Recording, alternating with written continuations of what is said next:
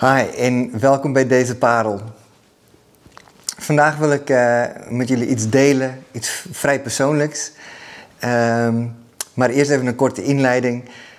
In gesprekken met jonge mensen, dan krijg ik heel vaak de vraag of het nu is een mentoringgesprek of een disciplesgesprek of uh, een coachinggesprek, hoe je het wilt noemen. Is een vraag, hoe weet ik nu eigenlijk wat Gods wil is voor mijn leven? Ik weet niet of jij de vraag herkent en of jij het ook graag wilt weten, maar ik word zelf in ieder geval heel enthousiast van, van deze vraag. Want ik hoor een aantal dingen schuilen in deze vraag. En dat is bijvoorbeeld een verlangen om God te betrekken bij je leven en geloof dat God betrokken wil zijn bij onze levens. En ik word er gewoon heel blij van. En het is niet altijd een heel makkelijke vraag, want het is natuurlijk niet één antwoord erop. Vandaar dat ik ook deze deze vraag in meerdere parels uh, wel bespreek en dat het wat uh, vaker langskomt. Maar uh, toen ik 20 jaar oud was, toen kwam ik met dezelfde vraag. Of 20 jaar geleden moet ik zeggen. 20 jaar geleden toen stond ik voor de keuze, wat ging ik doen met mijn leven? Ik was klaar met mijn studie in Zuid-Afrika.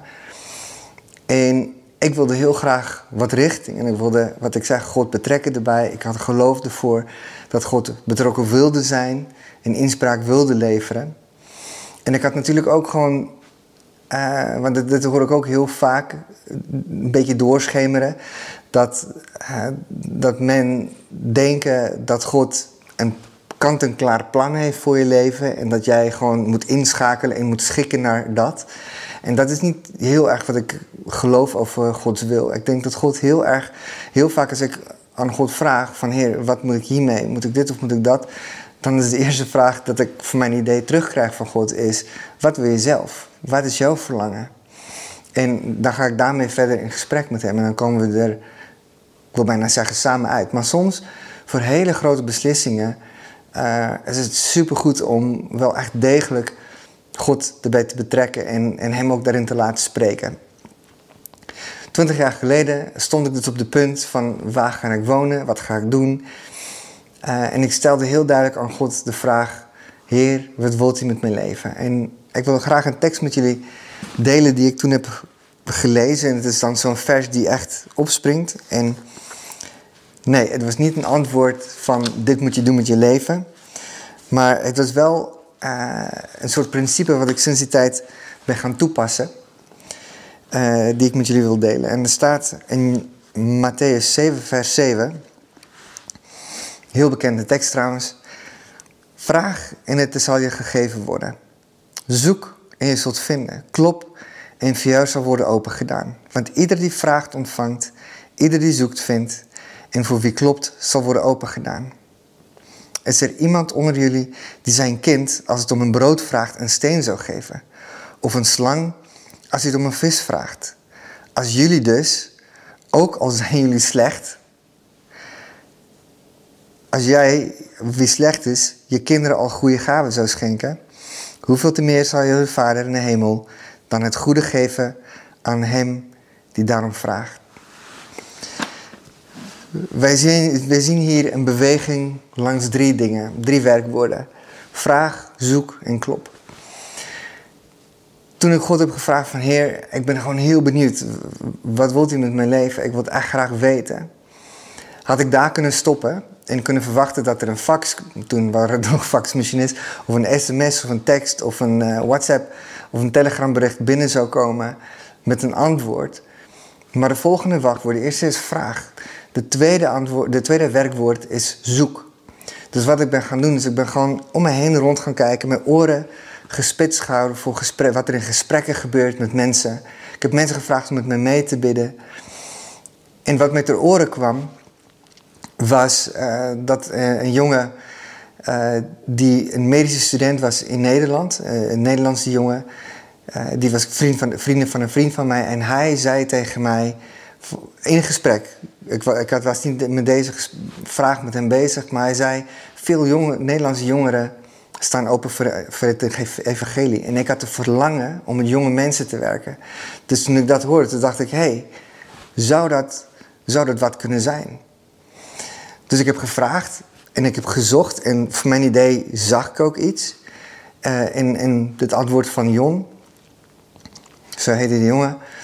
En vervolgens ben ik gaan kloppen. Ik ben gaan kijken van, hey, zijn er mogelijkheden voor mij om te kunnen werken in Nederland? Zijn er, zijn er mogelijkheden voor mij om hier in ieder geval een tijd te komen zitten...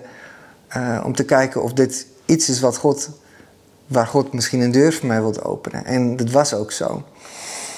En het klinkt misschien als een mooi schoolvoorbeeld van hoe het zou moeten. En het, is ook, het gaat ook niet altijd zo. God uh, houdt zich soms stil en dan kunnen we denken van ja, of hij antwoordt niet, of zoeken we niet goed genoeg, of wat is het dan? En in die struggle uh, kan ik niet zo 1, 2, 3 in een parel, denk ik, een, een klare antwoord geven wat daar uh, rust in zou kunnen geven. Maar wat ik wel weet is dat Fiona en ik opnieuw aan het kijken zijn, aan, het nieuw, aan het beoordelen zijn met ons gezin van wat wilt u met ons? Waar wilt u ons hebben? Waar moeten we heen gaan? Wat moeten we doen?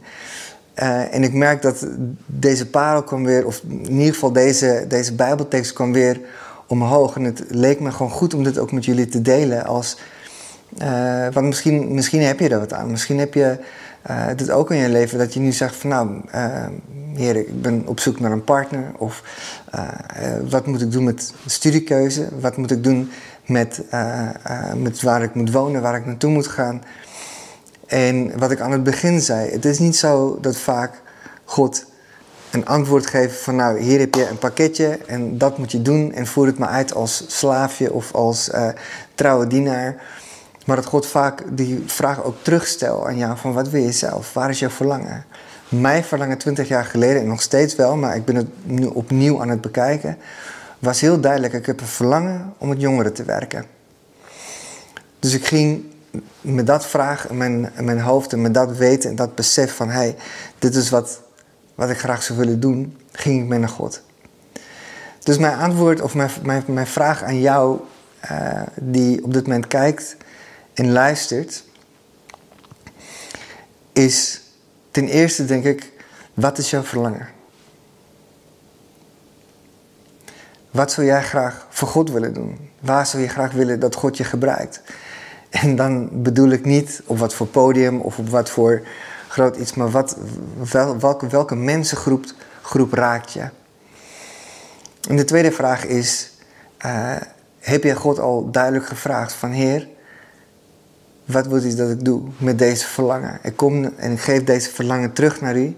U mag het gebruiken of u mag het niet gebruiken, dat is aan u. Maar ik ben bereid en ik wil en ik wil vooral graag horen. En dan komt natuurlijk de tweede gedeelte van, heb je al gezocht? Als je de vraag hebt gesteld, heb je gezocht naar Gods antwoord erin? Heb je gekeken wat er omheen in de gesprekken rondom je gebeurt? Heb je gekeken wat er gebeurt op het nieuws of tv of eh, dingen die je langs zien komen, die je hart raken, die je trekken en die aansluiten bij, uh, bij die verlangen van jou. En ten derde ben je al wezen onderzoeken. Ben je al gaan kijken van, kijken van hey, wat is de mogelijkheden? Dus ik wil zo meteen een gebed uitspreken over jou. Dat je heel duidelijk Gods leiding in je leven, en ik ook trouwens, want wij hebben het net zo nodig, uh, Gods leiding in je leven mag gaan ervaren. Vader, ik kom bij u met mijn verlangens, met de verlangen van mij en via naar de kinderen om uw wil te volgen. En uw wil te zoeken. En ik wil het eh, aan u teruggeven, Heer. En ik wil ook ons verlangen om, uh, om uw wil te doen. En ons verlangen om te weten wat u allemaal voor ons in plan heeft in, in, de toekomst. Wil ik dat ook weer aan u teruggeven en zeggen van Heer, we willen gaan en doen wat u zegt. Heer, dank u wel dat we geen slaven zijn, maar dat wij partners zijn. En dat u samen met ons er wilt uitkomen op de plek waar wij het beste kunnen zijn. Voor u en voor onszelf en voor onze kinderen.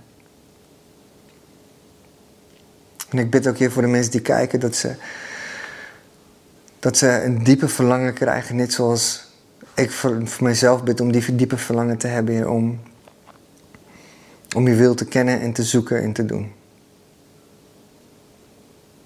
En als jij kijkt en je hebt, of luistert en je hebt die verlangen niet, dan wil ik specifiek ook tegen jou zeggen van, het is zo'n avontuur. Het is zo'n avontuur om samen met God deze route in te slaan. Van Heer, wat is uw wil? Twintig jaar geleden heb ik nooit gedacht dat ik in Nederland zou zijn. Ik heb zelfs gezegd een keer ooit, toen ik op uh, een missie was, of outreach of hoe je het in Nederland zegt, naar de WK in Frankrijk. En ik zag een hele groep gekke oranje geklede mensen die helemaal stormdronken waren. En uh, de boel helemaal aan het, uh, dus echt één grote chaos. Dat ik tegen God zei van, heer, ik weet niet waar die mensen vandaan komen, maar daar wil ik nooit heen. Nou, zie daar, hier zit ik. En het is niet zo dat God mij heeft gestuurd. Ah, denk van, ah, ik ga jou even pakken. Ik, uh, ik, ik, uh, ik ga jou juist daarheen sturen omdat jij niet wil. Maar God heeft mijn hart er ook in veranderd. Voordat hij mij heeft geroepen om hierheen te komen. Ik uh, bid God zegen voor jullie toe. En ik hoop dat je wat aan hebt en dat je het kan toepassen. En in de toekomst ga ik nog eentje verder over het verstaan van Gods wil voor je leven. Amen.